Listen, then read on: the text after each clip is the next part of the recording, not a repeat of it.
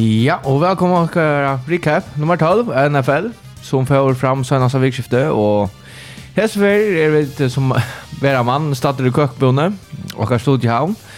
Henta sendingen for litt akkurat spott for jeg venka under, under NFL førjar, og som er sendt midkvalde klokka 6, høstdag klokka 11, og leier leierdag klokka 16 av Radio FO. Sendingen kan også finnes av hjemme Radio FO. Vi har ikke så svikk men nå er vi størst atter. Og til dere, uh, til dere som lorser dere og som lorser dere først fer, kanskje, så får vi snakka først engst, og da må vi kan bruke enska vendinger som finnes og var brukt i dagligere til at det kommer til NFL. Teknisk uttrykk som det er best å bruke i opprunna formen. Og det er vi fotler om manning, kan man, ja, vi er ikke fotler her enn, men til er Peter Asbjørn og Peter Hansen, Sefring Axel Berg og Arne Lockberg er av er, og Aknar Presta kommer nok i vår telefon. Så vi er velkommen til potvar nummer 12. Ja, og Skrajen, hon er tøyinder, og tøyinder er ikke. Så skal jeg Uh, vi kan nok at jeg kan nekra dyster i jøkkenen, ikke nekra an og så har vi æra dyster, pårenking og gissa, og faktatheim her vi sjålande i øysene. Men, uh, hei, godt å se kjødde kun. Jo, godt å være etter nå, sint for lenge siden. Ja, men uh, vi er kommet, uh, jag vet inte om konsensus om det att det är inte näkt tog in där. Inte så gröna näkt för akkurs är men det här kan vi någon dyster eller vad? Jag har ganska ett löjte. Patch kommer hos en papp. Hej då. Bara för att nämna akkurst. Så men ska få fakta här bara. Och TT. Eller går så vi ska ska ha någon som inte inte rätt la. Ja, ett att han har fakta där. Jag fakta där först. Ja. Eh, vi var i Sjösvika och här är och jag kan ta några fakta från Sjösvika. Nu samlar det. King Cardell. Eh, han eh, han fick en 100 och trutja yard och så return touchdown och mot Bears. Som är han säger nutchen av karriären. Och nu är han en sammantlur. Annars har han över uh, tight vi Liam Washington och Josh Grips. Men nu är han två rekordna en sammantlur. Och det är uh, hvis vi tar Cowboys, tar uh, vunnet av Vikings da, og tar vunnet fjørte troi, og vært det største road win in franchise, French, franchise history, og det var nest største home loss til Vikings. Og ja, vi tar oss en jolly X her. Eh, Tony Pollard, han fikk 190 yards, for rushing yards og 2 receiving touchdowns. Og er han bare den fjore spilleren så han i John Rolf Hems. Vi minst 45 rushing yards, 100 receiving yards og 2 touchdowns reception og i øynene dyste. Det er Joe Galloway, Ladanian Tomlinson og Todd Gurley som har gjort det her i 32 år det man måste säga eh pollar där med heter Sustvik vi vi snackar om. Eh, vis vi är till ja, nästa Sustvik vi ja. Vi får vi 12. Här händer ju ösnö forskjelligt. Hette først for når NFL søvne er fyra li vunno av samme det at han har over samme at han har over 18-4 vi tjej eller møyre poeng og de sørste tvøymon noten av uh, regulation. Og ta fyra vinning, eller til som vunnen var Browns, Jaguars, Chargers og Raiders. Og til det avhaverde er at uh, uh, Jaguars og Chargers uh, bæg vunnen av two-point conversions. Uh, og blev så så starkt nummer 3 og fjärde li så jag nog John 4 av 5 a score av vinning game winning point on two point conversion. Og i de sørste 15 sekunden av dysten og forkvarter. Det er tre og fjorda leie. Så igjen gos, så igjen er? Så nå John 4 av 5. Wow, det er, det er rettelig vilt. Så det man må säga är att uh, att uh, det är rätt vilt. Ja. Så hvis du hugger då så så finner du näka sov lite. Så hugger det till red zone, jag vet inte, det är några andra ting man kan ta sig vid i som dövon. Josh, Josh Jacobs. Hvis det här var han av fantasy så er det Josh Kuppe. Uh, han spiller for Raiders og han er det ena spiller som Nujan Troll Trush till att ha minst 225 rushing yards og har fjärst eller mer receiving yards og i øynene dyste. Han uh, enda i uh, vi har franchise-rekord på 220 rushing yards vid av fjärst receiving yards som er bästa touchen spelaren i NFL søvne til å ha haft minimum 300 yards from scrimmage.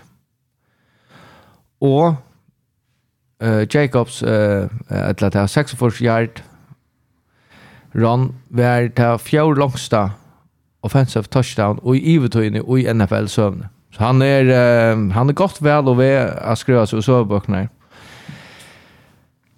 Jalen Hurts Uh, han kom uh, han var den första spelaren i NFL sönder vi minst 125 passing yards. Det är 180 och 125 rushing yards, det är 160 och i en och halv. Och Hurts blev han nästa quarterback i NFL sönder. Uh, och så kunde snacka om kvart han nästa igen. Det är eller ser man vi Colin Kaepernick till att rusha minst 100 yards og kasta fyrir minst 150 yards og pass, altså passa fyrir två touchdowns. Så Jalen Hurts han uh, han blir bli uh, ja kom in i gamet.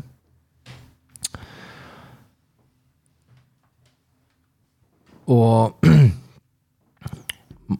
Mike White blev tatt første quarterback i søvnene til å ha flere dyster vi minst 45 completion og 300 passing yards og 3, 3 passing touchdowns fyrir det første eller innan fyrir hans første fyra karrierstarts. Uh, Ravens tar uh,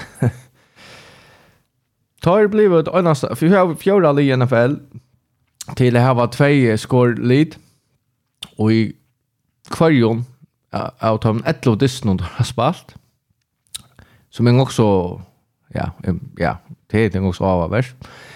Det som ikke er så av avavers, er det at uh, tre ånderlig klarer å at her, og var 11-0. Uh, det Ravens er 24 etter at fjorda dysten av hessar kappinga Arnon Uh, tappt då att han har varit framför vid två i mån. Scorings. Till till rymna vilt. Det är ena som har klarat att ta för att det vi över över framför att han har över framför vi med mun fyra. Det som är också viktigt är att alla uppkällar med George där inte till att renna bulten och att kvar klockan är och liksom till att vara framför ja. Och där så där tar de oss på. Där blir vi ute. Ja, det var roligt att se. Eh Jaguars hej hevur eitt at tøyr George eitt eitt at hann halt ehm ja, tøyr oft ofta comeback, men tøyr George hesfer. Tøyr var og Ravens var framma fyrir 22 og Åre sundagen uh, så er det Jacks 0-102 tror for 2000 vi har vært 18 vi tjej på en gala møyre. Og i tar man sørste två minuttene av dessen. Wow. eh, ta sørste ferien her tar klare å komme atter og så har et comeback. Vi er 1906 av 5. Og to tror aldri hva comeback var med åter. Det var mot Ravens. Sådan. eh, Tom Brady, amazing streak comes to end i utskriften. Og en sundag så er breit over 218-0 ta i hans her alli hever framme for vi skjer på enkelt av Møyra og de sørste tvøym dusna regulation. Men uh, her ser 218 game winning streak uh, enda i nu. Ta i Browns kom atter fra en og Sejan tutsjo til at uh, ja, ta vunno Buccaneers 3 og Sejan og i overtime. Så det må være rettelig, det er rettelig imponerende av Brady, men uh, alt færre som nevnte og Øysen til. Og ja, jeg vet ikke. Vi kunne hacka og kranna. Det er sørste et eller annet. Jeg har jo noen andre, men uh, Jeg har jo ikke her fra VD Jets. Ja. Til at uh, du har spalt uh, Etlod, etlod, og i etlod diston har der finnes 300 yards og 3 touchdowns, så igjen uh, 55. Og Mike White, han er tvara dem. Det er nok svårt klara. Ja. Ska vi tacka skianer? Ja. Uh, då ska jag lära dig på ett mycket sätt att här som ganska är bara allvarlig att förnyelseskrifterna på Struger det är att alltså Van Miller som, som han för finns han i knäna och man säger att menisken är er, är sliten eller ja är slitna och han måste så revurdera nattsatsen i vikna. Det kan vara en sån grej som vi inte tror på också. Uff, det kan vara ett för Captain Garage. Cha Bills eh vis han eh Ja, men tar utlokka ikke at, at han ikke kom atter. Nej, nemlig, det er revurdera ja. i vikna. Men det, det må være en øyelig, altså familier vil faktisk spalt en, en, en Han var få innan för Bills. Han är helt öjliga god faktiskt, ja. Och det är som Pro Bowl eh, edge rusher så till Timon. Lever upp till uh, sin här flotta karriär till att göra. Men det som jag hade är intressant. Det är Rodgers plus skatter sån där. Och han färger en sån vötta skia. Och han kommer för han för ut och så... Eh, det var aldrig reklam efter det. Han tog vajka det Johnny X. Jo, George Love men spelar öle väl. Ehm men Rodgers ska kanske bli att men också alltså där har han grund till Rodgers natt. Kan man vara fair där för åtta. Ja, jag jag då inte så jag för Rodgers spela Rodgers. Och och han har sagt det att han då jag var jag var inte Arne så status säger han jag faktiskt spalt vi någon halvbrott någon. Jag var inte man säger brott någon. Brott någon. Han säger brott någon brott någon tummelfinger. Så jag så jag Giants. Det är i London. Att han inte vinna. Vi vi han ska spela men vi ska lära Jordan Love spela Så kom det Anton Sucha, okej, okay, han stinkar. Lät honom bara, då är glömma sig allt om han. Han har sagt kontrakter runt nästa år. Det var det, det var chill. Det var spilt första round pick. Fint nog. Så han hinner inte spela det. Jag vet inte om det är spilt. Som jag också kanske körde om till att Rodgers blev så över att han valde han att han för att två MVP-campaigns. Ja, i allt stadväg. Alltså, ja. Nej, ja. Men, men, det var inte vad vi. Visst han så spelar väl, så hör du knappt att han möjligheten, du säger. Anten, kunne vi trade han til Oxley, og så bytte Oxley opp. Etla skulle vi trade Rodgers. Ja, pura samt. Og så kører vi Jordan Love. Hei, du trade Rodgers. Så du må lukka som suttja hva det du hever. Hvis han spiller vel, Jordan Love, hvor, altså, hvor ikke prøve å vite om du kan slippe over vi, vi Rodgers og få et eller annet fyrir da. Fyrir Det øyneste kjellig er alltid at man slipper, slipper over Rodgers. Det er han chansen fyrir at han fyrir et eller annet liv i en Superbowl. Ja. Ta följelse tog mig rävligt halva hava. Men det är som gör att Men alltså, Jordan Over är vanlig. Det är synd att Brett Favre känslan ganska. Yeah. Men det var rätt här jag Lugga väl. Ett annat fun fact nu att du nämner Brett Favre. Det var det att först distrint ta, eller ta han blev starstare i Rodgers. Det var Östne i tre år och tjonen. Och i minsta, så, i halvt Östne så som viko möter en NFC East-lie och i third quarter. Ja. Kom han in för, han kom in för Favre och lov kom in för det. Mm. Så hvis han startar från nu av så kan det vara så en intäkt så. Men alltså han han har 113 yards och ett touchdown. Ja, han spalte väl. Ja, han har spelat på innan. Han gjorde det. Och så att Lustland var inne. Så jag är väl till att säga Mario och någon han spelade fint i preseason ösnä. Han och Watson hade en öliga connection eh ta och ösnä tops sjönde men Alltså jag har sagt det att vi ska göra det. Alltså hvis han spelar efter som han säger att han atlas är så er det bare på grunn av ego i John. Mm. Altså her er en god grunn til det. Og der, at du risikerer sånn at det er skatter, men det er at du ikke, ikke bruker i minsta lei siden, nå er kaffingen for å lete oss utsjekke hva vi har i Jordan Love. Ja. Det har alltid hever en, en spilte mulighet. Ja, ja, helt sikkert. Og det er bare Metla Fleur og, som kan takke til avgjørende och kanske jag kanske lång grupp så kör Murphy som är president kanske han kan köra jag någon när tar man köra någon och göra men jag hade hållit hållit out så låska för chansen nu till att ta sig i halt Rodgers Royce nu sagt att han spelar så långt det är matematiska chanser för att ta kommer playoffs. Men är det 4-8 ja ja men alltså jag hade prognosen prognoserna säga att det är skjut eller 2-3 procent chanser för att klara det. Så en är alltså man har spelat till men nej, det kommer inte playoff. men eh Ska vi vara det eller? Ja. Gardner Johnson. CJ Gardner Johnson. Och det var nog. Safety. Eagles. Skatter. Ja, det är nog så. Det är en större Mr. Eagles. Ja. Han är han är väl rättliga. Jag hade han han över hade han fått en säsong. Han har sex interceptions i år. Wow. Så det är en missar fyra dagar åt. Men som det gör så är det nog inte season ending. Men tar vi inte ordentligt och slunch där är. Till att uh, kräver inte operation på några mått. Och så är det jag säger running back. Eh Damien Harris och Elijah Mitchell uh, avgaves för Patriots och 49ers. Eh Damien Harris var inte uh, tar vi inte short ja. Eh men Elijah Mitchell är uh, han för över 6 till åtta veckor ute ganska mojra. Mm. Annars var en annan här. Uh, lycka med en tid. Uh, hvis vi tackar Rams. Uh, hvis man helt vil Rams så er det stortligt. Här ska vi börja. Anna Robson er, han er ute i resten av Arnon. Uh, Cooper Cup er sånn ute. Erna Dannon er ute men Matthew Stafford er concussion. Alltså jag vill sagt det. Alltså nu är Ari Eisner färdig så där Uh, Ja. Tar här var onka orsök till att låta nägrarna spilleren spille spela distat gjør. Jeg hadde hade du skulle låta Karma Stafford in.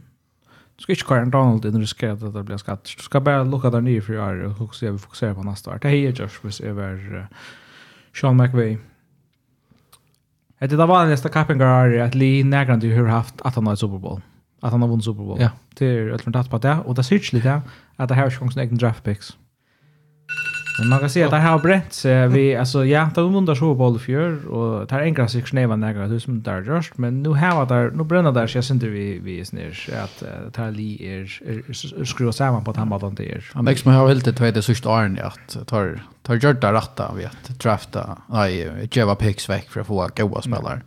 Men nu så gör vi kanske östna kvart händer ut att det inte rycker. Och det är där vi står här att, att Lee som är en toppspelare, hvis det här spelaren som blir skatter, det blir spelat illa så ständer du riktigt ut och särskilt att du inte kan få några unga spelare in som är av billiga kontrakter. Men så det så är det alltid till söna till att ha vunnit så Super Bowl så det här steg i hävat där.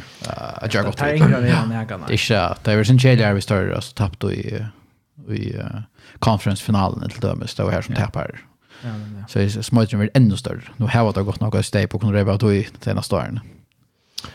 Annars er... Uh, ja, her er en gang snakk for spillere. Der om alle er mulig ute. Kyle Pitts er uh, nok ute. Det er halvbid av... Der er Moni er ute. Men uh, her er en gang snakk for mulig ute. Og det er... Uh, Du sett tvær av band som jeg helt ganske er verdt å nevne i ødelføren. Det er Turn Armstead tja Dolphins, ja. som er jo en klasse left tackle, tja en lige som ligger øle vel för i EFC. Ja. Det er en kjempeskeie. Og særlig så tja Buccaneers, tarra left tackle, Tristan Wirfs, ja. en linje som spiller av hat til Men han är väl som långt häver flash som långt häver miss som som vi där för Brady missed sin center och sin guard som pro bowl level spelar för fjärde. Nu kommer Ice missar sin tackle där nästa tror jag förra veckan där. Det är en kämpe misser. Men han kommer så åter till playoffs. Så att jag vant att jag box kommer så långt men uh, ja, tar har bruk för honom. Men eh uh, ting också avvärs som spelar heter det vad ska jag fantasi. Og när spelaren kom åter tar som är också Iva Sammer och tar som också Iva Sammer också Justin Fields är sin Iva Sammer så jag där. Det är gott nog kör running back med Leonard Fortnite. Han är Iva Sammer. Travis Etienne är Iva Sammer och New York Jets Michael Carter är också Iva Sammer. Joe Mixon är också Iva Sammer. Eh Og vi snakker om offensive tackles. Austin Jackson er også nye sammen. Men det er ikke også når det stannar. Jammer Chase är så spørsmålet om han kommer åter. Og Jerry Judy i Cha Broncos. Og Mike Williams Cha Chargers. Altså det är ja, det er alltid running back som uh, uh, på också Andreas vi. Så man är vår är så heldig om en fantasy till ögonen att jag har rymliga friskar running backs. Det hjälper mig också väl. Ja, det är en ting som man så man man kunde mäta i i NFL och det är att skia helt det jag kan säga detta personliga kapen och kvad hevet och efter queer queer klar jag där. Eh, negli blir rakt eller riktigt av skav skavon Chargers Giants är illa rakt av skav nästan.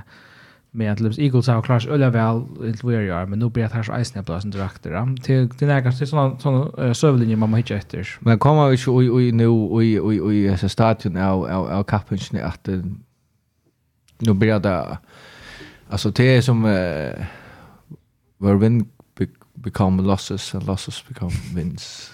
Det där NFL rätt the witching hour. Men är ju också börjar vi ju komma också när gå i här. Jo. Att uh, Dömes det vi går gott hacka kött det vi kör man löt om men och så som Saints som är rättast tar jag faktiskt mål kan komma wildcard alltså det pura tant vi kör är pura öppen. Ja, det är Schaft om man säger att box är Lucas som Lucas har chans att komma som divisionsvinnare som wildcard. Ja ja, alltså han att divisionen är pura öppen, Alltså Schaft om Buccaneers är Ja. Alltså Jeg tror ikke vi tar på at det er takast du sånn. Jeg har ringt vi har suttet mer enn jeg annars skal gjøre det. Yeah. Falcons høtte i mulighet å vinne mot Commanders i vikskift nå, men ja. Skal vi tro hva som tror i det er som spalt spalter? Fyrir at takka det her, fyrir at takka uh, hinna divisjona her i bokser. Alltså Saints, Saints har vunnit så det kom upp på upp på 5 och 8. Tar tapp mot Fortniners, tar tapp inte, tar skor inte 8. Ikke åtte steg. Tar jeg faktisk noen fina verjo. Men uh, tar Andi Dalton, altså. Ja, det var forferdelig dyst. Jeg heier med søgnere av uh, så, så uppe frine og ja, nei, jeg gav seg hitja faktisk. Jeg, jeg fikk rån. Så var det som tid det er noe annet om vi skulle takka en, en uh, kaffe vi skulle takka først. Uh, Jeg var nok snakk for å ha vært dyster. Så går jeg kjøtt en Thanksgiving dysten her? Ja. Så vi tatt en god dist her vi built som heter Lions. Lions dyster er Thanksgiving, Altså det er noen sånn klassiske chili dyster. Altså man lukker som man man hikker til det der høstkvöld og der NFL og jeg stammer man leker ikke vi, men det pleier vi som blowout, men det er ikke ordentlig, altså Bills, näka att spela för och alltså Lions har ordentligt low key alltså spalt superväl sistone. Och det är inte uh, vi plejer att göra sin bror Thanksgiving och men här som dövon tar det går imus era skronne så kör vi något sjur vet du så det tar sin dörr Ja, vi alltså vi körde ons på sjur här men är här några vimmen. Ja, vi vi vi samlade oss där själva för då. Gå vart och så. Jag haft en kalkon i annan. Fyra mans, 5,2 kilo, så det var nasla. lä. Slöta backa äpplen och så det särskilt snö att han har... Det var fantastiskt var det. Hur till det dess nu? Det var rätt så. Nej, nej vi gjorde det sundagen. Vi gjorde det inte. Ja, du gjør det sundagen. Ja, men det tror jag att ja, vi vi där bara så till det kör. Nej, vi där vi där bara höskvalt är och den ögonen vid marren och det har gjort till sista förra året. Uh, vi har vakt. uh, Thanksgiving Kastein som är öliga kärligt och tog emot vi gör det sånt där. Ah, ja. Annars, det blir skylda tid. Men uh, vi ska till... Uh... Men alltså, den distrin ändar det på att uh, han en intressant rent. Alltså, Lions för upp och jauna distrin vid 80 sekunder efter på en field goal drive. Men Bills mäktna att göra en sån alltså, mega kött uh, game winning drive här där kommer field goal i en shot där bara har 80 sekunder klockan. Rattliga vilt. Bills har haft att uppleva i sig rakt undan för men uh, nu kör det tarda så igen det och ända vi att sätta där kickar att Tyler Bass uh, i field goal range till 140 yard field goal. Eller flott drive av Josh Allen som avgör just den här mot ända någon. Och Bills halta sig i löve till uh, top seed i, i en AFC. Det är krisa i Buffalo så har haft en distans att han har haft varit distrarja. Men uh, tar missa field goal då sin uh Lions och i törkvarstörre som ikke kostar så dårst. Men uh, men man ser att jag tar sin tur uh, Josh Allen är en finandist. Det är han. Singletary, han har vi ju faktiskt. Han är faktiskt finner. Jag var bara slash när han uh, han har också sprang också ja, gott. Jerry Goff Har han uh, präckat sig till att uh, är han vi har kommit? Tar skoran ek. Jag har han spelar väl. Jag... Alltså Lions ja, skorar ja. en rik få av Stigen Kvandist. Alltså generellt. Ankra det så hade så blowout men det är inte den gamla Jared Goff vi såg åter. Ja, alltså jag hade han har spalt så mycket väl han kan rätt göra fortsätta där nästa år utan så att ett landa en landar alltså tror ju det var bättre quarterback där alltså Lions för nu ska få ett topp pick till att komma. Alltså där kommer när go college quarterbacks ut. Vi tycker vi står i position till att ta en time. Så Jared Goff eh Joe Flynn har mening man ska fortsätta fram efter alltså det här är inte väldigt långt från Alliance där skulle bara haft några listor som koppar Airways så hittar nästan lig och kappas vi får alltså det borde hända det dömes. så har sagt man så Loki skulle ansätta att här kunde ganska hålla sista wildcard spotet där spelar väl och Fanasa list Det är stagnerar ja. Nej, jag vill inte. Nej, du ser alltså det det du ser Giants där kapar mot Cowboys alltså. Jag vill säga alltså Cowboys är ett bättre lag. Alltså där visar där att för nästa säsong att att tar alltså du skott om tar Jerry Fowler Dak Prescott kastar två interceptions. Ja. Två faktiskt eh ja, nämmer interceptions så det är ju. Ja. Ja. Där utnyttjar inte ordentligt här. Ehm Jeg halte til at altså, verjan til Cowboys er så rævelig god att uh, alltså det är inte Giants att flytta bollen mot ut Linnon och alltså Daniel Jones hällde sig uh, ut i av att uh, att göra fejler gott nog. Men det är totalt alltså halda Barkley ner han har ett carries för nudge thread yards till ju inte några särskilt för för han. um, ja, alltså det som är så kan se om du så ser stagnera liv Giants alltså där där har så nick vad ska göra att Linnon. Alltså ordentligt ordentligt nick vad ska göra. Eh tar right tackle Evan Neal skatter, tar center skatter, tar tar såna goda wide receiver som är skatter. Alltså det är bara Kenny Galladay efter då alltså och där Slayton alltså det är vi värjen har vi måste vi åter en spelare eh Adore Jackson hade det där. Det är ju inte tungt, men man har rätt ny performance centers. Men klarar då playoff? Jag har alltså tar spelen this mot Commanders i söndagen som blir en extremt viktig det sikkert mot. Vi tar tappa mot Commander, så får Commander så boy. Och Commander, så där hoppar och vi har vi har sport i har sporta Commanders. Ja, och jag jag hade jag partis på kalla för det var just i NFL men alltså han är det share på han ska Heineke, han han spelar väl. Ja. Det gör det. Komma åter till tar gott nog men det kanske ska kvanna han för kvar. Nu för att lucka ta playoff bill att alltså du du har Cowboys som av fem sit i rocken det inte vi att tackla dagen du sjön. Kanske göra där. Men alltså tycker vi skulle ta Cowboys Giants, um, Seahawks og Commanders. Hessa fyrir linje, en av tre time of fair playoffs, en det ut. Det råkner vi. Det kallar du, men kallar du för det ut? Commanders. vi har hatt värdes ett mot Commanders, vi råkner vi tagga war. Men annars Cowboys, uh, det ser ölla spännande ut. Uh, vi, tar, vi var ju efter Dak och sen då. Att han tar han börjar han han börjar sin tur men han uh, i checkar hissen distance så går så honom. Nej. Men, ta sta hava ta ha run game som kör väl. Jag hållt alltså ta Cowboys. Alltså hade bästa run game och i lika en löfne vi Elliot och och och och Pollard. Till tatto på. Och jag hade faktiskt ankt under så så skulle det där just jag brukar lukta synda minne brukt dack och ståla mer på såna varje och på running game. Till dack ja Jerry Jerford heavy outmarchingar eller han kan inte bära att alltså hade inte bäst då han bär det. Han han är en god quarterback det är han. Ja, han han gjorde just för interceptions mot Packers för Trump igen. Och han har faktiskt två goer uh, goer han ja, Floyd goer vet men han har två fina wide receiver som åtta kvartslig hade till mot egen ja. Så det Lamb och Gallup. Och tar ölt ut efter Odell Beckham på ett nu. Tar förlörda vi han allt samt som är. Men det som jag vill se om Cowboys det är att att ta bästa det så kunde de vinna mot Ödlund i NFC. Ja. Så det är alltså det det vill jag sagt men det kunde nästan spela lite och ta playoffs chamber så alltså vi söker bara nu efter att att jag kollar nu att det är box mot Cowboys första runt i wildcard så måste vi kunna stå mer på Cowboys eller Tom Brady men ja. Jag står mer på Cowboys. Ja, løft är så Cowboys. Okej. Men, det är sagt løft. Jag vet så Søvann er är ju ikke, men... nej. Nej nej. men... Frugjadag, nei, frugjadag. Sørste dysra Thanksgiving, uh, Patriots, uh, Vikings, uh, Vikings vinner. Innan plikt sier jeg vinner uh, Patriots. Jeg syntes ganske. Altså, ja, Patriots er... Hvis du vil være her som Vikings vil jeg være, at her vil jeg være i topp 2 i NFC, så er det det må man säga. Är det raskare konstigt mål? Alltså att det Ja, alltså Patriots. Ja, Patriots har faktiskt haft tar det bästa defense Ireland distan.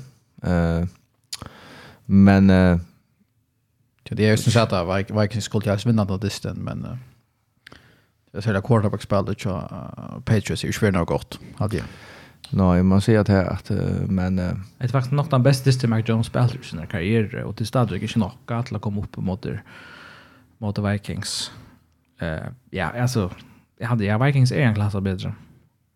Ja, jag hade just det här bättre lig ur alla linjerna. Så är det nog den uh, källigaste distrin uh, ett omfärg allt. Ja. Panthers och Broncos. Det är snäga säga om han utan att... Och det här en sån episod då. Vi just någon här, en världspelare, köpt Broncos för Iver och diskuterar med Russell Wilson. Jag var inte kallad att diskutera, han bara rubbar ett röst. Han var skältan ut. Alltså, jag har alltid att jag får säga till om Broncos, alltså Russell Wilson, det ser bara inte ut till att vänta. John, jag sitter bo boj, bo boj, boj, hvis alltså Russell Wilson inte kommer att sin gamla form så är Broncos det rinkast sätta li i NFL. Så här inte li ständer i varje stöv en där. Öll under li har en bättre quarterback situation en där. Tog jag där är fänkar vid Russell Wilson. Du gossar tror jag. Så där kunde inte släppas. Där kunde inte träta han. Där kunde inte kotta han. Där pengarna är garanterade. Där släpper inte av igen. Han vill det. Men vad ska Broncos göra? Ska du därför att tankarna och ta blå få kanske inte nummer. Hade sig draft pick över. Hade jag givet där för Brown för för för Wilson alltså Oh ja. Här här är Anjevon. Alltså det enda att han måste bara hoppa på Russell Wilson väntar efter vi. Det är det enda som är. Det här är inte några vanliga vi för att drafta några. Det alltså det har några pengar till att säga free agents vi. Det kan inte trade han, det kan inte korta han. Det här är Anjevon. Det är pengar. Det är att säga att Kjellet, her er nekker Broncos-fan, og i fyrir hånden tar lorsta nok. Han må bia till Russell Wilson, han blir bättre till. Ja. Tar kunde sända kanske fanmail eller vi måste uppmuntra i åren. Ja, de har playan, han han sa så lite ja. Ja, det har ikke spalt vel alltid, sint, altså. Men uh, ja, Browns vinner av uh, box. Det er Browns løs vi da boi etter. Uh, jeg vet ikke om vi skulle gå på nevna da, tar vinna av, av box. Det är för sent nu. Det är för sent. Nu kommer det Sean Watson efter där för sig tjej. Det är för sent. Jag har faktiskt finns med Watson och när det de Sean. Jag vet nu för John Yorker lika. Ja. Ja. Vänta bara så jag kan det bort det.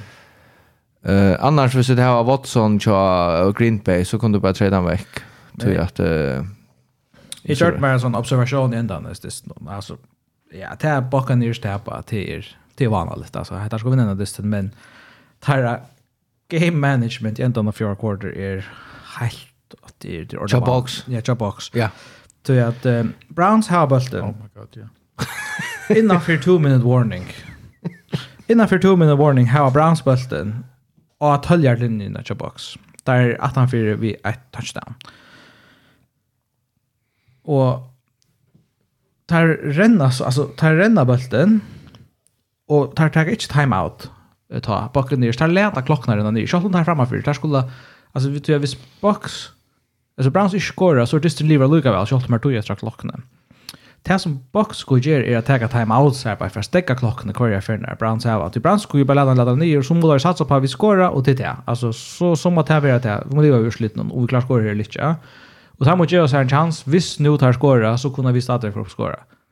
Ja skora efter för att komma över ja men men det gör det inte Så det är faktiskt bara 23 sekunder efter, nej 32 sekunder efter klockan tar i Browns skorar så touchdown. Så som om det här inte var nog. Nu, alltså att det här bara spilt halvannan minut väck så här. Tar ett här så få bulten. Så Brady först ett ett yard kast. Och där tar stadväck i timeout. Där laddar bara klockan redan nio. Där tog där laddar bara vidare vi för upp Jernaga. Och så är det 15 sekunder efter det så snappar han för och så kastar han knappt djupt. Och så ständer man där och amine. Men, och nu har du bara åtta sekunder efter. Och ta den här att för att ta han beina vägarna, alltså ta ta du så så hade väl så så tar hade väl kunnat stoppa undan overtime här på ett. Visst där. hade givet sig show mer tog efter klockan till att Brady just här som han ger bäst av Utlund quarterback. Men just det Brady han så han gör det tag till inte skundas helt. Det är där som heter runt allt. Ja, men det där quick kastar man alltså. han han ja, jag vet väl. alltså jag hade bara sådär alltså. Brady shoulder shield nu så han borde teach time out där i alla. Ja, det där som menar vi alltså alltså till först kan time out ett last sekund alltså. Alltså han rann inte upp till linjen han Jack. Ja. Alltså nu har ju skärt handsignaler för mig. Han ger ett handsignal öl obvious. Kan bara så så kör han upp ner men kommentatorn har sett att han ger tecken till att inte sekund alltså. Men eh till kanske att han eh ja. Att att han sjuka så sjuka så Anton jag säger vi Det har stått lite. Eh, no, ikke langt, fjør var også rann sjukt. Men eh, Jaguars vinner av Ravens. Ja, og til er en Trevor Lawrence og en game winning eh, drive, må man sige, og vi undgår timeout. Og han feber, og han plakker bassen opp etter. Ding, ding, ding, ding. Og... Genialt drive Ja, genialt drive. Men det mest geniala är Kalle. Att han får ett two point. Ja, jeg er helt at det var den pura rett jeg gjør. Altså, jeg helt at hvis du er under 20-30 sekunder etter, så, så hvis du er underdog, mm. hvis du er veldig nyttlig, så er du skal gjøre det hver for. Det er cirka det samme og odds, at færre tvei og sparska et, et, et, et ekstra poeng. Hvis du stender til støvende, helt litt ikke nær svært etter Så Sean skulle Jaguars göra där. Jag jag också att att det var gott sig call men att det skulle göras så där här. Där där tror jag där tror jag är alltså quick. Ja. Quick för evigt då. Och så ta som är till det att uh, Ravens har faktiskt eh målag och komator. Men uh, tackar missur och ja. tjej, är det blöjda tjej trusch? Tjej trusch, ja. Sex trusch eller tjej trusch? Tjej trusch, det har vi rekord. Ja, och och i vänjen tog han bara plocka ju en masserda faktiskt. Man vet ju att han täcker och plockar ut 35 yards in. Alltså här han vänner och han är väl innanför. Alltså jag menar väl innanför. Alltså tar automatiskt ut i halvt kom från Ta mätt kanske på tjejer och sen halvan ett 8 yards ut så väl innanför världen. Och i vändningen. Det här är en NFL-rekord, men han utkörde en dist i fjör. Vi är sex tror jag där ja. och i en av dist som... Alltså, in, han sa utläver inne. Han sa också utläver inne. Till det sjuka. Ja, ja. Alltså, det, det, alltså ändå gott nog är... Och tackar väl. Han var inte läckt från att få han in. Ja, tar så att 8,6 8,6 yard. Eh, månne, men hej han alltså. Det var öliga nervi. Alltså, fuff. Ja, alltså för lucka tagen den fjärde quarter där på ända. Så du ser så Ravens tar skor i början av fjärde quarter. Kommer att lägga sig åt då nu chans Tuche. Så färra Jaguars upp, skorar touchdown till nu Nuchan Seichan. Och så fumblar där uh, vi uh, fem minuter efter klockan alltså första play att han får åter och så är Jaguars spinar vi upp i åter och skorar field goal lägger sig åtta. Ravens färs upp till drive skulle ta sig som du nämnde att det här fantastiska goa drive till Trevor Lawrence alltså kanske en av de bästa han har spalt i, i sin liv. Han var ju så ganska till det som han är en det som tar draftar han för och lägga vår passing leader. Ja. Det är väl för en rätt människa så John. Han var han har man i höva vanligt land. Eh jag vill sagt här att eh Ravens borde lukka ha vunnit av distan och det kan komma kosta time om det att det här på en sån dist. Det är för östa bitar allt ja. Ja. Så det har varit rätt jag ska några vunnit sig dist det har varit rätt jag ska fan det gör. Alltså alltså jag har mist jag har trutchat att det var framme för vi det där 15 plus Stian har tappat. Ja. Det var och här är sån. och och sån dist någon alltså ta ta vart gått någon 18 för vi 8 men men uh, tar skora 8 mål. Alltså allt annat lika borde över 11-0. Faktiskt. Det är faktiskt det som är nu. Då är det nog skuffande att defense slår dem in på mattan och Alof inte klarar att Aluga skårar nog. Så Alof är väl sagt och nog typ av defense. Jo, jo, jo men alltså ta ta med Alof i ösn och det men så där ganska jag vet inte om jag valde mig hårt Aknar man blev så nervös så syntes det där mot Texans Ta där attacka eh han själva Toa ut och second string quarterback för tror jag för tror ut. Ta blir man så nervös att ta så vart händer det är det som vi har sett. Ja, men det måste det måste Texans. Ja, jo jo jo, alltså Orsaka. Det det är inte att alltså borde bli nervösa men alltså ta ta så vart händer att offense må ösna ta att passa att göra en length drive och ta att toja klockan. Så hinner inte få toja komma åter. Ja. Men är det några artister vi skulle tro i? Eh eh Her i Florida har vært urslit. Jeg vet ikke om vi skulle takke alt i uh, Jack noen... Uh, Men han har gått listor, det var Raiders och Seahawks. Det vet jag kom next team. Men, ja. men det var super district Det stod gott uh, ontransfer ute. Ja, och en Josh uh, Jacobs som blev uh, sövlig. Ja. Uh, Sin Jail Chelsea Seahawks är snärast. Här är en att ta kapping vi 49ers. Ja. Uh, alltså, jag har inte kört Raiders han kan spela för, men... Um, Tror han vänjer som spelar för Airbrunch alltså. Det här var där, och det här är faktiskt... Jag syns inte så faster till Josh McDaniels. Jag tycker det är rätt att köra. Ja, det är. Det är skilda pengar till Josh Gruden och det är inte några pengar. Jag tycker det har ratla kvar Josh McDaniels. Men helt du har kvar altså. Eller vi vänjer när jag synter så. Alltså kvar ordla gå vänjer er är lätt ju uh, Raiders. Det ser ut som at uh, han uh, han börjar få Raiders alltså det långt att fungera. Men vi Men kanske yeah. vi tar imon folk som man häver skulle han uh, här klara sig näck bättre än vad han häver. Just. Ja. Ehm Jo, jo, til, til nægum det er, så skjønner det alltid er coordinators och college coaches som, som man kan se till såna støve, men det är sikkert ikke tar göra det, det er att gjøre det tar etter det sikkert du der något seg noen som han är i kontrakten. Er det flopp, Kör jeg Jag hoppas bara bare vi tar og tar Ja. Bättre än alltså början av någon var också hoa förvattningar eller Raiders. Det är ja. Jag vet inte alltså Jag vant där Kar för ordlarna att steppa upp och nu hejar han faktiskt Oli som uh, offensive här här här nu är det och ta var finner tar finner defense. Att för en fjärde nu det var det. Men då går vi under där. Ja. Alltså jag tänkte att det var inte Adams som spalt ordlar väl. Han han är en topp level. Han och Josh. Tar här faktiskt att bära receiving och ja. Ran alltså tar tar har fått li. Ja. Och jag klarar sig bäst. Nu 220 rushing yards och två touchdowns det är det är fantastiskt alltså. Ja. Svart ändå att att det nog nice nu. Ehm jag hade så nästan hinvänd att att uh, alltså Gino Smith han men damer väl till som han han bara alltså jag trycker ju på att Men han har ju några han har ju några interceptions här som helst han ja. när han kastar jag vet inte man läs spel ja. Alltså han Ja. Ja, alltså en en mer erfaren quarterback är ett la. Mer erfaren men men jag vet inte om att quarterback kan göra det kast. Alltså tar han uh, han ska han också gott, han också tight alltså space. Mm. För jag pressar han jökna, han kastar så bort till en Jag vet inte om du såg det. Uh, men jag vet inte varför han inte ser mannen komma. Och i det blinda vinkeln. Det är han inte, men... Ska vi snacka om Commanders?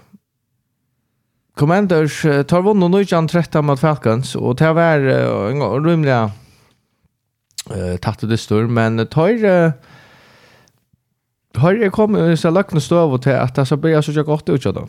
Folk gata. Ja, alltså divisionen är alltså Eagles har det då. Men men uh, helt då Alltså har vunnit sex district check nu. Hörs det? Jo, det har jag jo. Halt sex district check. Har vunnit tjej och den sista åtta. Tær ja, tar spelar väl. Ehm till Atlanta där har där klara vent så ska vi gå på fullkomliga. Men här är också Ever Heineken. Det är inte det han eh allt han som är negativ med Screencast ända när det är någon. Ah, jag vart här alltså Falcons hava bulten. Ja. All goal to go. Yes. Vi ta ta där kommer goal to go ta er vi och en minut och 20 efter klockan. Og der, ja, irriterende nok, så, så velger jeg der at um, ja, det renner så først vært helt var fint.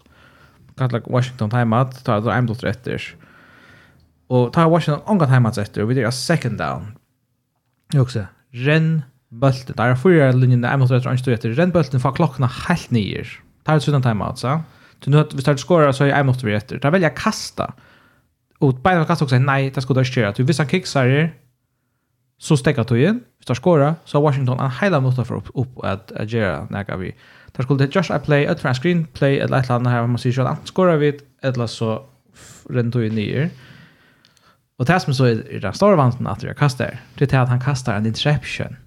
Max Mariota av goal line till att till att vinna distance så kämpe fight alltså nu kan man att jag vet inte analysera det här det kanske inte sort nördar men men ja så kasta en interception här på. Åh, det var det var Falcons som kastade Disney Becker. Du där hörde mål där kan att här kan det. Ja, och och visst tar vunnit. Har vunnit så heter vi uh, där. Ja. så så mycket så sjukt.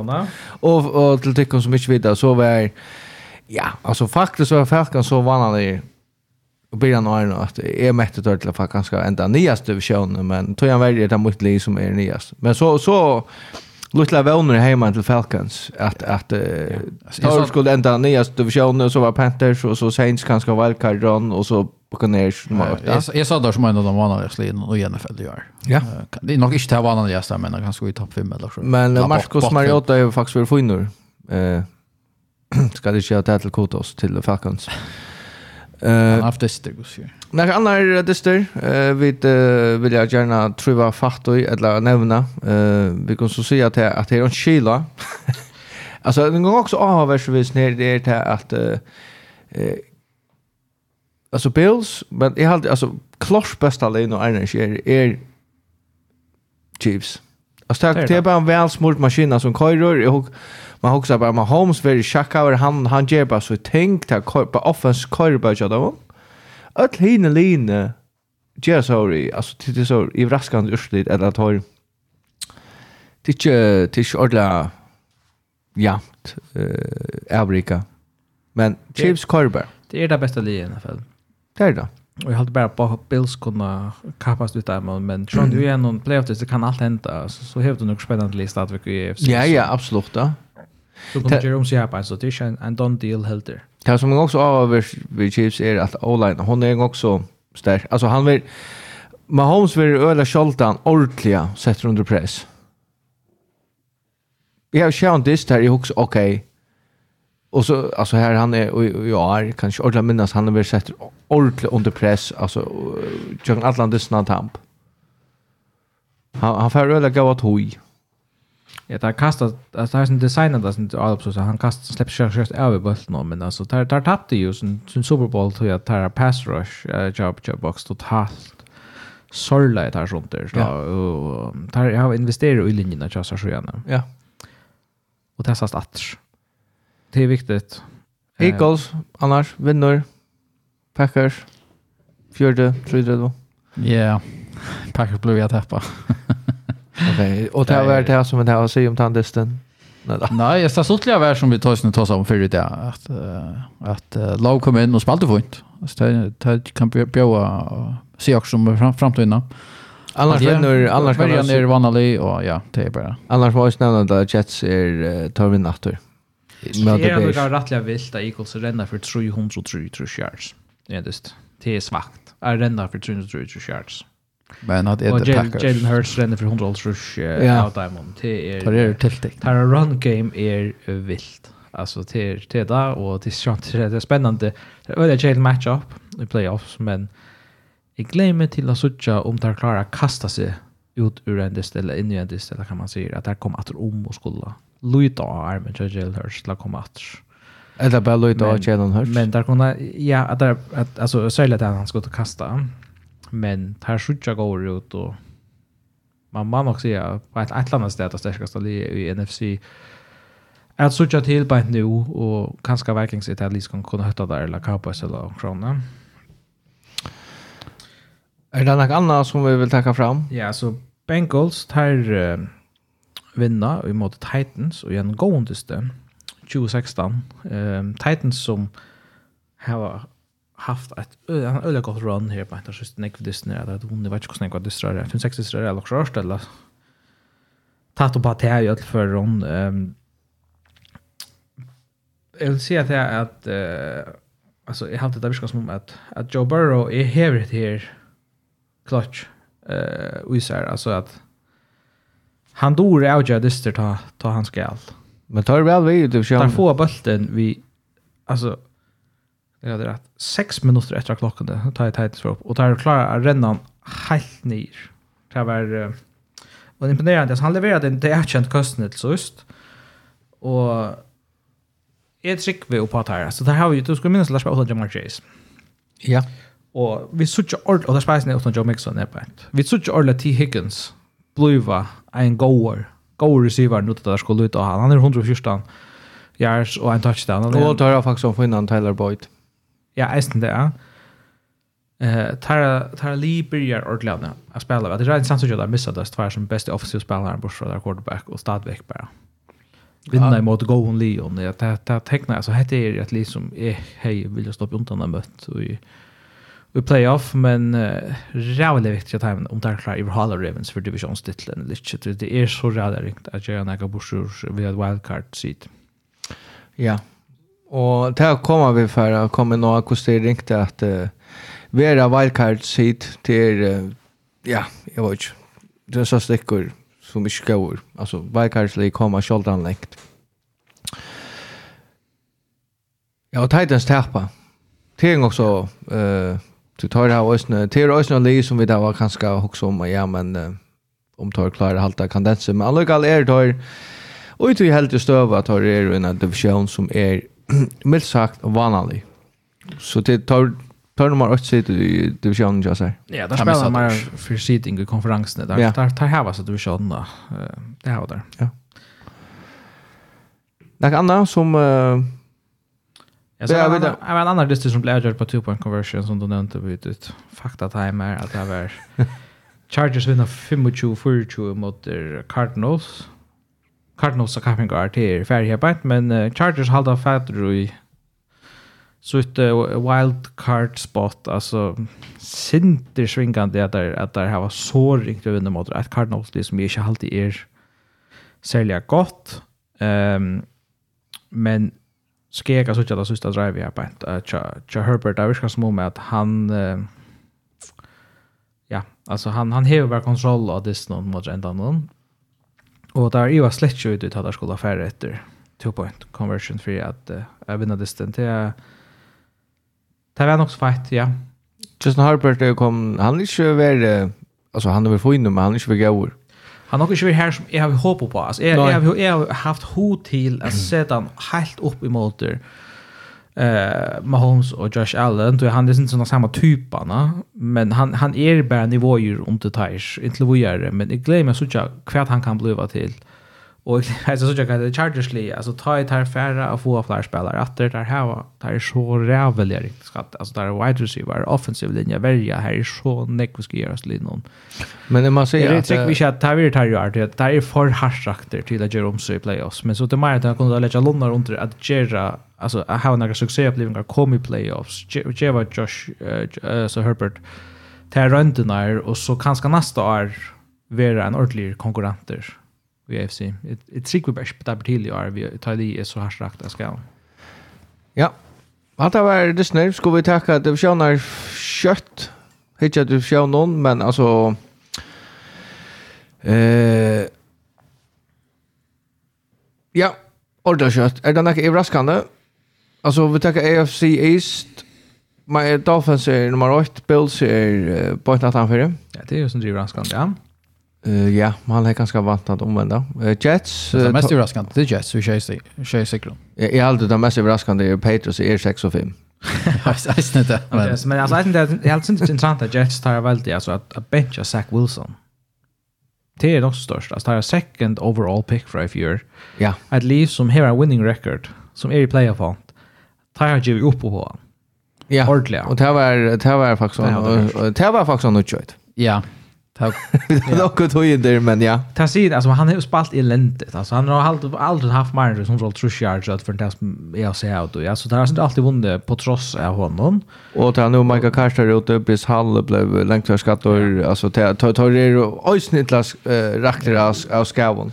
Ja, man minns Mike White kom in this till fjärde spalte superväl. Det är uppsett, det är uppsett mot det omkring Mr. Ravens eller kvar där men Han spelade resten, han spelade så väl där i, i vikskiften mot Bears och det är rocken vi att hålla sig fast till alltså prova man kvar Ja, och som han förspelade så tackade sig Shaq Wilson in efter. Det verkar som att han vill bara komma i playoffs. Och så så är det nog lite nu vi Shaq Wilson. Ja, alltså tar det här var rottla tärningarna i Jets och välja Mike White och så vet att det är tärningarna ända. Det verkar inte som att Wilson har mist omklädningsrummet. Alltså det det där ska de här och attan för just som ger till ja att ta plackan ut på andra mattan. Och så ja. Nej, ta ta. Ja, och så går det efter ja så får jag FC AFC North Ravens 24 Bengals 24 Browns Steelers 4 Eh det var spurning för divisionsvinnare. Eller vad? Det är det ja. Och för alltså ja. Och det är väl väldigt spännande jag vill säga. Det är en av de helt avhåvert divisionerna vill jag Så får det AFC South till Titans 24 och så är det Colts, Jaguars 4 och Texans 8-8. Vi måste säga det 8 eller. Ja. Colts är det. Titans tar det ju va. Titans tar det ju och easy win. Ja, jag hade att det ja. Colts är nog det största skuffelsgärda och jag som trimmer. Ja. Man är inte vant att nekva, eller man har inte vant att Texans, inte nekva Jaguars, tar det vi på. Till shoutout till Ottor Adashne. Ja största skuffelse, största överraskelse är Colts. Till uh, AFC West. Eh, Ongen är vi om att uh, Chiefs uh, tar vinnat här. Chargers är 6 och 5 och Raiders är 4 tjej. Är det färre för Raiders? Ja. Vi snackar ju om Broncos så det tar 7 8. Så så man tar big picture AFC, ja. Så har du några också grejer. Alltså allt från Titans och Chiefs. Där kommer det sen divisioner, där kommer playoffs. Och Rock vi Chiefs tar nummer 1 overall seed. Så har vi AFC East, här Dolphins og Bills kappast om hvor vindu sjånene. Vi vant hitlig så og jag wildcard spot. Og så då AFC North, här vi du har Ravens og Bengals. Här är rongt vi en av vindu sjånene og hun teker wildcard spot. Ja. Så spurningen, hver tekna sista Wildcard spot. Ta Ta hever du Jets på 24, Patriots på 6 og 5 og Chargers på 6 og 5. Her tror jeg, altså, det er bare en av dem kommer i playoffs. Og det er vel det som alltid blir spennende å etter. Ja, klarar Jets att hålla sig framför Patriots och Chargers. På en måte har vi väl tur man Chargers i playoff. Egentligen. Men jag hade Jets ser att ta det faktiskt till så underdog liv. Ja. Vi tror man väl underdogs. Vi Sverige hina, konferenserna NFC East Eagles 28 Cowboys 8-3 och så är Giants 24 och Commanders 25. Jag säger jag vantar Commanders detta ut då. Ja. Men så kör så kommer Atlas linje i, i playoffs. Det är faktiskt en också stort så. Hvis öll för linje i division kommer playoffs. Man har ju också. Är det hänt för? Det är ligger öll helt där bak. Nej, det är hänt för. Det är det inte. Det är ju för två år sedan att man bröt den här regeln till att det blev till det blev tre wildcard men det är lite öll bak nu. Vi har fått den innanför. Vill du det? alltså jag vet inte alltså commanders eller Seahawks alltså det är sånt så det är så som objektivt men som som NFL repar så så hypar man alla på sin divisionsrivaler. Ja. Nej men är aldrig det stort like commanders är kom ner här till här då är då Seahawks gör det. Alltså at least man hade väntat skulle vara. Gene Smith är kanske. Men Seahawks har ett tiebreaker mot Giants. Det ska man minnas det. Och då kommer Commanders och Giants att spela tvärdistrikt mot Kvarnöron här alltså innan fyra fyra veckor som här var. Och då pura ja nu? Nej, det här är tjej och fem. Det är som by weekend. Det är tjej och fyra. Men är, är det pura ja med Lina?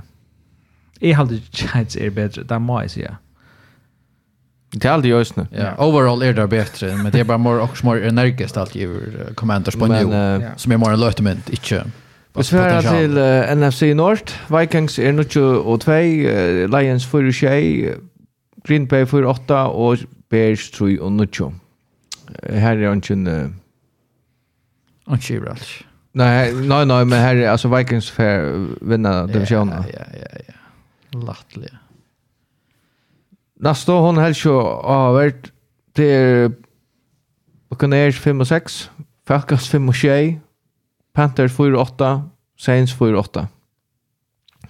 Och en rymliga öppen division. Men uh, nu säger jag det, vi ringer åt Hannanbojden, men uh, Box ser ut till att tacka dig. Ser du verkligen det? Ja, men ja, alltså, jag menar att turen är det uppe. Hinelin är bäst vanlig. Men hvis Box blev ett här på distance där borde vinna. Så kan det ändå veta inte det ut. Men alltså, jag, jag har bara så riktigt jag filmer firmer. Falcons eller Panthers eller Saints skulle för att bo där. Jag, jag har så riktigt att söka det. Du snackar om att ringa quarterback, men alltså Saints har ringa quarterback. Ja. Sanjer, NFC West er 49ers, 24, Seahawks 6 och 5, Cardinals 4 och 8 og Rams 3 och 8. Og det mest överraskande er att Rams er 3 och 8. Ja, Sean så er snedig rest, men ja, så Rams kollaps her Och så ser det ut, kallt det, nu, är, är det nu för Niners enn stedet du, Sean, eller det Seahawks enn. Jeg råkker jeg for snøyner for størst til ikke å renne av sted av divisjon. Ja. Godt, ja, godt feeling sier jeg stedet som er, men jeg vil selv sagt før jeg tar av etter. Men annars kan også avverst til at jeg får ut og søtt til at jeg tar verja CMC og sin møyre. Ja, det er jo knäproblem. Ja. Ja, det är sån tjej jag missar Elijah Mitchell, men där har var en Eric och running backs. Det har det. Men uh, hade du känner och nu släpper Peter till att uh, göra sina power ranking. Det är min power ranking. Jag vet inte vad det om. Nej, vanligvis fortäller jag det inte, men uh, det här är nog så traditionella än halvtid. Ja. Det här power ranking som har varit. Och, men jag valde att göra sin arbete. Vi gör en uh, topp 5 i vår mest skuffande liv i år. Det står ju runt i halvdagen. Alltså är det är det är det mest skuffande linjen som som uh, alltså det här som alltså vet du mest. Okej. Ja, det är som skuffande linjen så linjen att det är bättre som. Nej, inte en botten. Alltså power racking av botten någon. Simpelthen alltså Leesman har ju vantan och det gör som inte presterar. Yes. No, eller på samma måte som du vantar. Spänt på det. Ja, hon kommer här.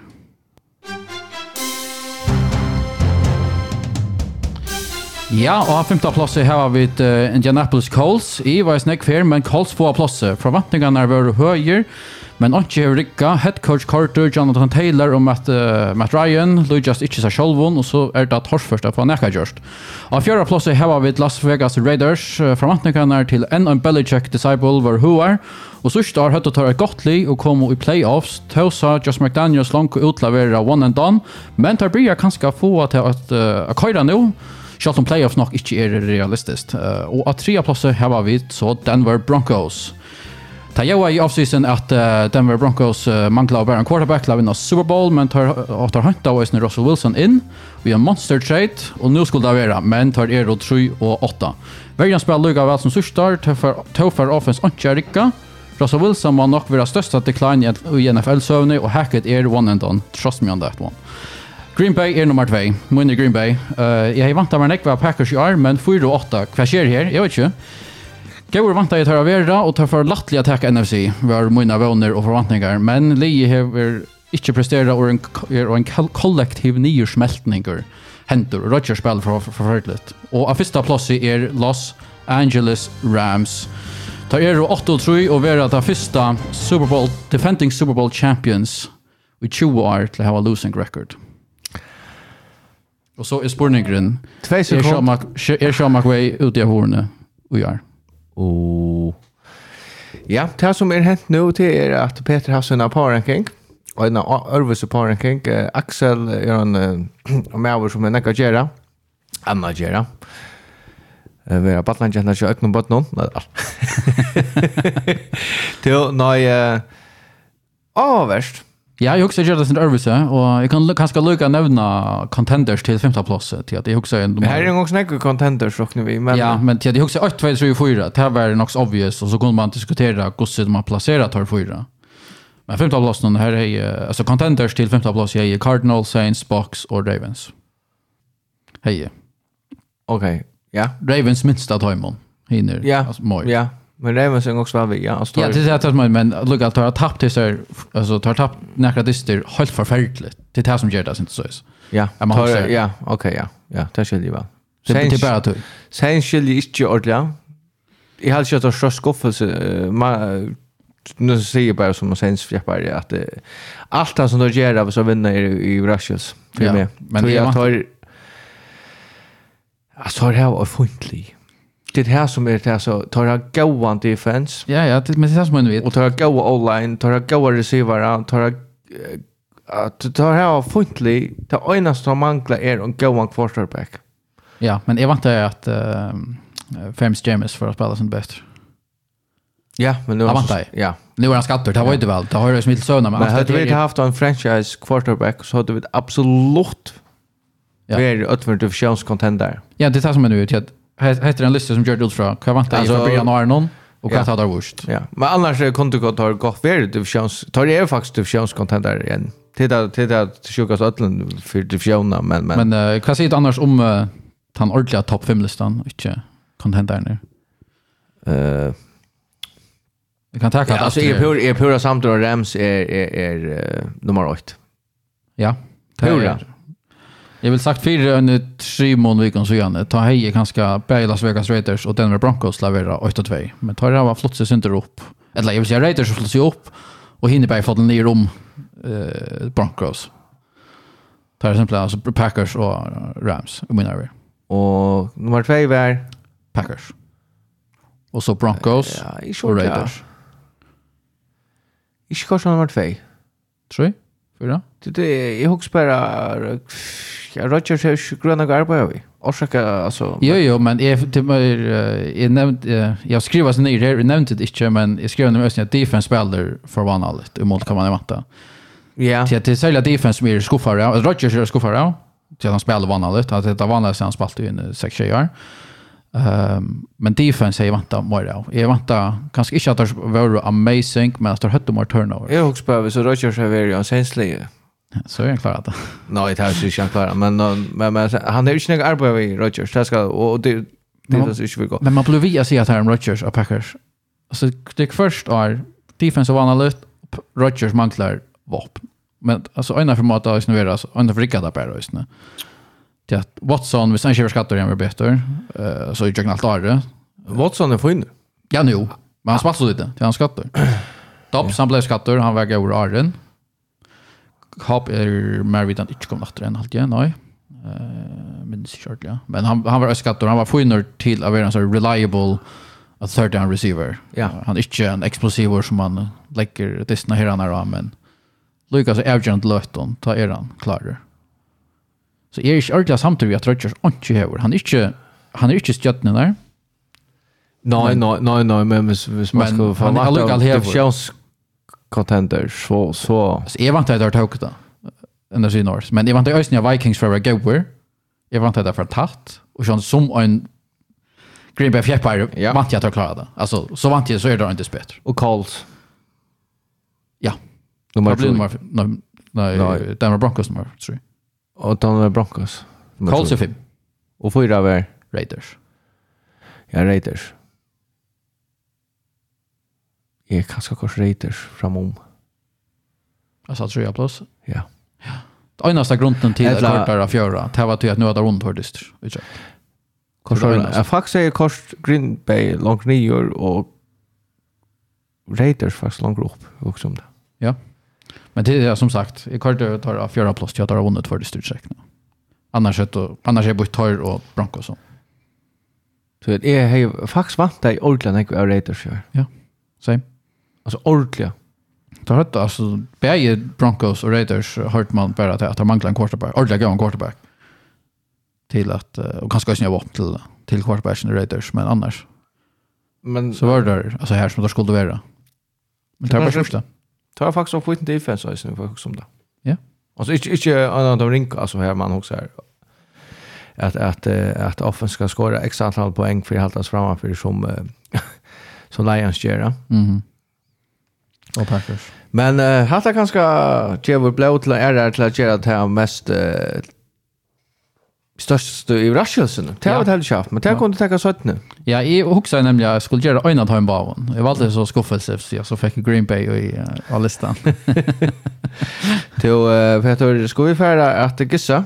Ja, lätt och kontra. Som det er sveinast som vi pleier. Nu är vi bara bära. Vi är ikke bæra, vi är två. Vi är jo efter. Ja. Det här var spännande när Arnar uh, lever å selge fisk, jag vet ikke hva, fisk. Japan eller kanske Ryssland. Liv så spyrst. Jo. Første dagen, nej, höstdagen. Bills, Patriots. Att det vant i at uh, Bills takk. Tar det då. Tar øyevra förstås. Kjalt om Patriots är gott defense. Jag ser Bills, visst. Steelers Falcons. Ja, det är så det. Nu börjar Steelers ganska att röra center och passa. Men jag ser Falcons. Tar av några spelare för. Är färdigt in och som så igen. Jag ser Steelers, tror jag Steelers spalte man av oss Lee och vann. ja, det var nog skott. Ja, jo, jo. Men jag ser Steelers, tror jag att jag hoppas jag Falcons. Jag, jag trycker vi ändå på Saints. Nej, jag tror väl att jag Steelers vinner men jag ser Falcons. Ja. Och till att... Uh, Pickett til Pickens. Men Pickens har ju också har gått um, uh, catch så så det det ska lucka som vi matchas. Broncos Ravens. ja, uh, Russell skorar inte någon next day. Ravens. Is det Ravens. Packers Bears. Det är um, en AH-värdig dyster. Ja, och hur startar som quarterback till den största spurningen. Ja för Berlin kan man säga. Ja, faktiskt. Men jag ser Packers att oja där vinna Eastern vid Journal. Och nu Daryl Mooney i skatter. Fyra Bears. Ja, är är faktiskt jag hoppas jag tror jag ser Eastern Packers. Gott an. Nu kommer faktiskt en rättlig över dyster. Det är faktiskt en dyster som jag glömt legit. Ja. Jaguars och Lions. Här jag vill jag säga Jaguars. Men det är så ju väl Lions klarar vinna dyster. Ja, Jag vet inte om uh, det är en kärlek för mig, men uh, Travis Etienne är kanske inte klar. Ja. Han är faktiskt för få in mot er. Uh, jag säger Lions. Ja. Uh, jag vet inte, på en eller annan plan. Kanske att det har varit hard knocks, men jag vet inte. det här skapar oss. Det är nog stort. Alltså, Lions och Jaguars är stort lite efter. Det är unglig och har potential. Ja. Och man lever sig i nöjda som bara är vanligtvis underdogs. Och nu är det var en rätt high scoring game. Ja, tar du i väl alltså. Browns, uh, Texans. Oj, Browns har vinnet. Ja, vi det också så. Ja. Browns. Orsaka med Texans är det bare ikke for gøver. Tar inte kongo og skuffe, tar det bare vanlig. Ja. Jets och Vikings. Som en gång så har vært røysene. Det är er för playoff, så. Ja. Det er det. Men jag säger Vikings, alle galt. Det är oj, jag vill ha først. Ja, Og jeg sier bare i mån til hva Jets er av skavon, uh, så sier jeg som Vikings.